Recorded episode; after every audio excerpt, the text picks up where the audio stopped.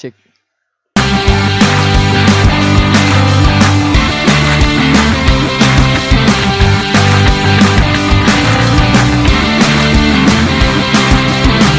Selamat datang di podcast Teman Berbicara. Bersama saya Wai Sendro. Mari berbicara. Let's go.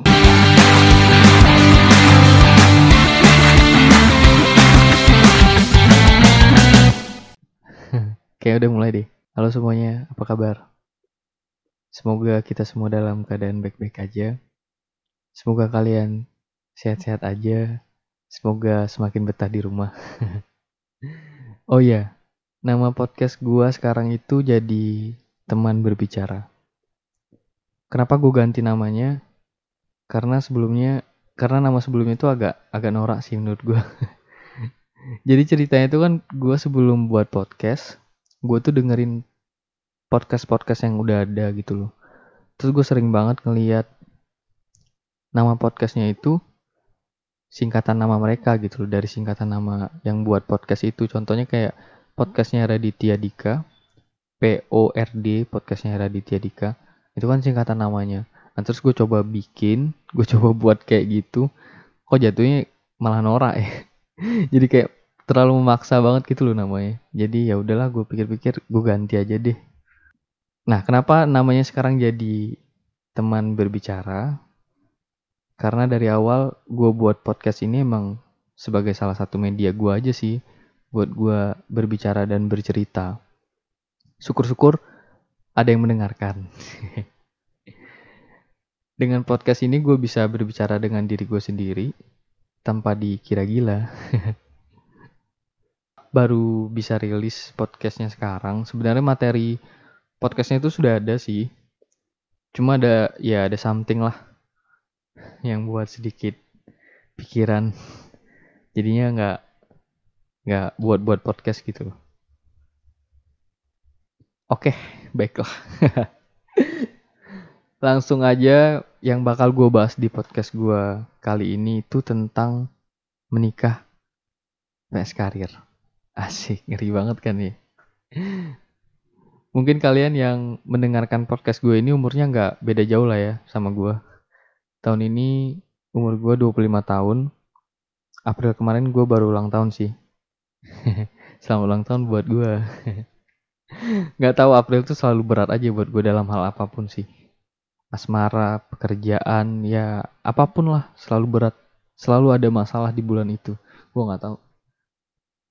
Nah di usia 25 tahun ini emang usia tanggung banget ya. Mau nikah berasa belum siap. Secara lahir dan batin. Gak nikah berasa udah tua gitu loh. Soalnya banyak adik-adik tingkat kita dulu udah pada nikah gitu. Teman-teman kita juga udah pada nikah yang sangkatan. Bahkan udah ada yang punya anak. Lah gua masih gini-gini aja. Oke, kita bahas tentang menikah, menikahnya dulu. Terutama menikah muda ya. Zaman sekarang banyak banget yang milih untuk nikah muda. Ada yang baru lulus kuliah, langsung nikah. Ada yang pas cari kerja bingung, gak dapat dapat kerja. Ah ya udahlah gue nikah aja deh daripada nggak ada kerjaan. Enak banget ya hidupnya ya. Tapi apakah buruk? Ya semua kembali pada persepsi masing-masing sih ya ada yang bilang buruk karena usia usia usia mereka tuh masih relatif belum dewasa sih dalam membina hubungan yang sekali seumur hidup ini gitu loh. Jadi masih rentan banget. Tapi ada juga yang bilang nggak apa-apa sih nikah muda mah.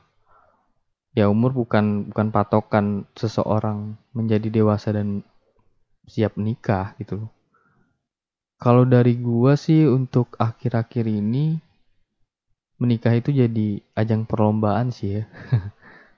siapa yang lebih cepat, siapa yang duluan gitu. Padahal kan ya menikah kan adalah keputusan yang besar. Bukan cuma soal cinta, tapi tentang menjalani hidup bersama secara utuh dan selamanya. Udah kayak versi bersari aja ya omongan gue. Jadi ya makanya itu usia itu sangat apa ya sangat riskan lah gitu. Apalagi usia 25 itu masih ya masih asik-asiknya buat main gitu sih. Ya ada yang mikirnya kayak gitu ada juga yang mikirnya gue harus mikirin masa depan. Ya itu baik sih ya. Nah terus ada cerita sedikit di kampung gue di kampung halaman gue anak-anak muda rata-rata di kampung halaman gue tuh udah pada nikah hampir semua udah pada nikah. Padahal banyak banyak dari mereka itu usianya itu jauh di bawah gue malah itu ada dulu kan gue sempat ngajar pramuka gitu sih SMA yang gue ajar ini nih anak SD gue inget banget nih sama nih bocah. Dia SD gue SMA tuh gue ngajar dia pramuka. Sekarang dia udah nikah dong. Dan gue masih tinggal di kos-kosan yang sangat sempit ini ya mungkin udah jodohnya kali ya tapi ya kok cepet banget gitu loh kok gue gini-gini aja gitu loh Nah terus ada yang lulus SMA langsung nikah, apalagi ya cewek-cewek sih ya. Ya mungkin itu jodoh dari Allah ya, gue nggak tahu juga sih. Tapi ya di sana itu ya seperti itu gitu. Terus mereka beralasan katanya mau nunggu apa lagi. Usia udah cukup daripada jinah dan lain-lain. Ya bener sih, secara agama apalagi agama Islam kan ya. Bagi laki-laki yang sudah akhir balik bersegeralah menikah gitu untuk menghindari fitnah dan zina dan lain-lain sih ya bener sih bener oke masuk akal tapi ya langkah baiknya kalau mau nikah tuh harus ada persiapan ada, harus ada persiapan yang baik lah gitu secara mental fisik faktor ekonomi juga jangan dilupakan. Ya walaupun rezeki sudah ada yang ngatur kan ada yang bilang rezeki istri ada rezeki anak ada.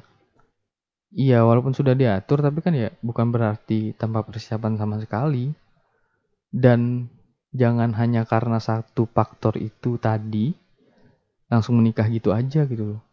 Padahal faktor yang lain ya jauh lebih penting juga gitu loh penting juga gitu loh nah faktor itu yang sering dilupakan dan gak dipikirkan gitu loh Nah, itu yang membuat angka perceraian di, Indonesia itu tinggi. Ya, faktor ekonomi, faktor mental, fisik, mereka belum siap secara itu. Makanya terjadi perceraian. Nah, sebelumnya umur gue kan udah 25 tahun nih, gue udah lulus kuliah udah berapa tahun ya? Udah 2 tahun lebih lah. Gue udah kerja juga sekarang. Nah, sebelumnya ibu gue, mak, maksudnya ibu gue tuh kalau bahas soal nikah tuh sama gue selalu bilangnya kerja dulu baru nikah. Papamu itu dulu udah jadi PNS baru berani ngelamar mama. Dia bilang kayak gitu. eh sekarang diburu-buruin dong. Suruh nikah terus. Tiap nelpon pasti selalu bahasnya nikah. Pakai acara banding-bandingin sama anak-anak temennya yang udah pada nikah. Bandingin sama teman-teman gue yang udah pada nikah udah pada punya anak yang paling parahnya sama mantan gue sih dibanding bandingin si itu aja udah nikah udah udah hamil si itu aja udah nikah udah punya anak iya gue selalu jawabnya nikah kan ibadah mah masa buat ibadah mau sembarangan sabar dulu lah gue bilang kasih itu jawaban ngeles sih ya ya maksud gue sabar dulu lah punya pekerjaan tetap dulu punya rumah sendiri dulu. Kalau prinsip gue gitu sih. Gue nggak mau menyusahkan orang tua gue, menyusahkan orang tua calon istri gue gitu. Apalagi menyusahkan orang lain gitu loh. Ya itu kan jadi tanggung jawab gue, gue harus bisa bertanggung jawab gitu loh. Sama calon istri gue besok. Makanya gue harus kerja tetap dulu. Setidaknya itu dulu sih. Kalau bisa syukur-syukur bisa beli rumah ya punya rumah sendiri dulu. Ya kalau seandainya pun gak ada duit setidaknya ada tempat pulang lah untuk berteduh. Sih kalau punya rumah sendiri kan ya. Jadi gitu gue gue alasan aja sih sama ibu gue itu alasan ngeles aja gue bilang kayak gitu. Terus ibu gue bilang ya kalau kayak gitu mah nggak bakal nikah nikah kelamaan. Ibu gue nggak percaya sama gue coy. Kalau gue tuh bakal sukses. Ya amin. Dia bilang rezeki itu udah ada yang ngatur. Kamu jangan takut soal itu dia bilang gitu. Ya gue waktu pacaran aja sering diremeh-remehin. Gara-gara gak punya duit cuma anak kos-kosan. Apalagi ntar nikah. Bisa-bisa makan hati tiap hari. Disinggung mertua mulu ya tapi ya gue banyak kok punya temen satu angkatan yang udah pada nikah. Ya mereka baik-baik aja. Kelihatannya. Nggak sih mereka baik-baik aja sih. Ya masih bisa main masih bisa hangout bareng teman-temannya. Walaupun nggak sering sih ya. Gue pernah nanya nih sama temen gue yang udah nikah gimana sih kehidupan setelah menikah gue bilang. Terus dia bilang ya ya biasa aja dia bilang sama aja. Terus kata dia kalau udah nikah itu pertama kita saling dukung sih satu sama lain dia bilang. Terus menikmati petualangan hidup berdua. Asik. Ya maksudnya kayak liburan kayak ngapa-ngapain tuh berdua gitu loh dan halal. Yeah. kalau mau sewa red doors udah halal. Ya red doors syariah. Ya modal seratus ribu doang ya ya gitu dia bilang menikmati hidup berdua. Maksudnya ngapa-ngapain tuh berdua lah ada temennya bilang nah terus bisa merencanakan masa depan yang yang lebih baik lah. Bisa lebih fokus. Soalnya kan udah punya tanggung jawab udah ada istri apalagi yang udah punya anak gitu loh. Harus fokus dan ya harus merancang masa depan yang baik buat istri dan anaknya terus dia bilang bisa tumbuh dan banyak belajar sih. Maksudnya itu dalam hidup ya banyak belajar dalam hal apa pun. Maksudnya menerima kekurangan pasangan kita. Pasangan kita yang dulunya pacaran nggak pernah kentut sekarang kentut. Tahu-tahu tidur yang ngorok tahu-tahu ini jorok tahu-tahu itu ya kayak gini lah. Ada yang ya bawel segala macam lah. Ya itu harus kita terima apa adanya. Banyak belajar hal-hal baru juga kan dalam berumah tangga. Cara mengurus anak cara ya mengatur kehidupan rumah tangga gitu. Gue nggak tahu sih gue belum nikah soalnya. Terus dia bilang keuangan lebih terkontrol aja sih. Terus gue bilang ya iyalah duit lu kan dipegang istri lu gue bilang. Terus uh, tapi kadang ada sebagian orang yang merasa kalau udah nikah itu nggak bisa bebas kalau ya bagi yang merasa seperti itu dan belum mampu mengendalikan egonya untuk hal semacam ini ya ada baiknya buat anda berpikir dulu secara matang sebelum menikah. Maksudnya kalau udah nikah, soalnya kalau udah nikah itu kan nggak ada nggak ada kata break apa sih ngomongnya nggak ada kata putus dulu istirahat istirahat dulu gue pakai bahasa Indonesia aja ya. Terus nyambung lagi gitu. Ya nggak nggak bisa kayak gitu gitu. Soalnya itu ya sumur hidup. Satu kali dan sumur hidup. Nah terus mental dan psikologis itu penting banget sih. Soalnya kan campur tangan orang tua sudah mulai berkurang ya. Kalau kalau kita udah nikah kalau kalian udah nikah. Ya kita nggak cuma bertanggung jawab pada diri sendiri tapi juga pada pasangan kita kalau mental dan psikologisnya belum mateng sering berantem, hal kecil jadi besar, ego satu sama lain. Gara-gara itu banyak yang terjebak dalam dalam situasi. Jadinya konflik terus. Terus rumah tangganya nggak stabil. Terus juga belum pengalaman menghadapi hal besar. Ini penting juga. Kurangnya kurangnya faktor ekonomi kayak tadi tingginya tingginya biaya hidup dan lain-lain lah. Yang dipikir sebelum nikah rezeki kan udah ada yang ngatur gitu. Tapi udah setengah jalan ternyata sulit ya ternyata nggak seindah seperti yang kita bayangkan. Ternyata susah banget lah gitu. Jangankan buat beli rumah makan aja masih pas-pasan gimana mau nabung apalagi buat anak. Nah itu bisa jadi masalah besar kalau dibiarkan dan sama-sama nggak dewasa yang satu nuntut ini yang satu nuntut itu. Jadi ya akhirnya kan konflik terus tuh. Jadi rumah tangganya nggak stabil lah. Nah, itu bisa jadi masalah besar. Makanya itu diperlukan mental dan psikologi yang benar-benar mateng lah buat menghadapi itu gitu. Menurut gua sih. So tau banget ya. Nah akhirnya jalan satu-satunya kalau sudah semua itu terjadi tadi ya walaupun itu dibenci sama Allah ya itu perceraian mau gimana lagi? Seperti sudah tidak ada jalan keluar. Padahal ya dari awal ya harusnya itu dipersiapkan gitu. Jangan buru-buru makanya. Harus dipersiapkan baik-baik dan pelan aja. Iya. Ya masalah orang tua nuntut ya namanya orang tua kan dia pengen anaknya bahagia aja sih. Maksudnya selagi beliau hidup beliau pengen lah punya cucu ya punya menantu yang bisa bantuin dia masak ya kan? Biasalah namanya juga orang tua gitu. Dia pengen yang terbaik aja buat anaknya. Tapi kan bukan berarti orang tua harus memaksakan si anak harus segera menikah gitu loh tanpa persiapan ya. Dan cenderung dipaksakan gitu. Nanti hasilnya ya bakal nggak baik.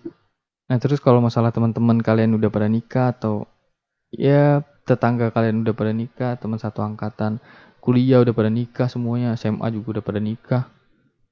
Ya balik lagi. Ini bukan soal perlombaan siapa lebih cepat. Tapi siapa yang mampu bertahan hingga akhir. Asik gak tuh? Hingga akhir waktu. Pesan saya buat yang udah nikah jangan tanyakan ke orang yang belum menikah. Walaupun itu teman dekat kalian ya kapan nikah? Kok nggak nikah nikah udah umur segini juga nungguin apa lagi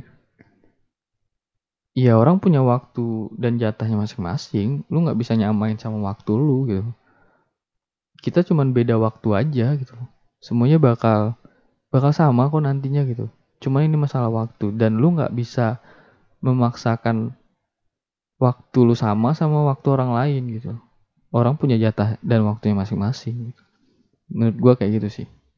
Ya soalnya kalau ditanyain itu mulu ya apa ya malas aja sih jawabnya gue pacaran aja ditinggalin mulu ngomongin nikah. Ya kali. Terus buat yang belum menikah dengan banyaknya pertimbangan terutama yang jelas masalah duit sih ya. Sama ya emang nggak punya calon aja. Sabar terus berusaha. Apa pun caranya ya. Ya apa pun caranya nggak DM cewek di Instagram juga nggak apa-apa sih. Nggak apa-apa dong ya kan? Namanya juga berusaha sama tahu jodoh. Kan nggak tahu nge-DM Anya Geraldine. Siapa tahu Anya Geraldine jodoh jodoh gua. Ngarep sih. Ya saran gue sih jangan jangan mengkhawatirkan sesuatu yang sudah diatur dan dijamin. Kan udah ada yang ngatur udah ada yang ngejamin. Jangan terlalu dipikirin santai aja. Ngapain kita pikirin? Kita jalanin aja. Itu yang paling penting. Sekian dari gue selamat malam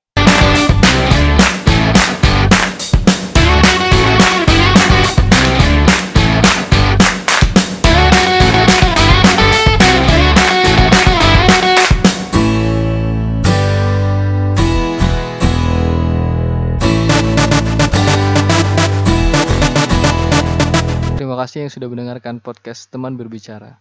Saya Wai Sampai jumpa.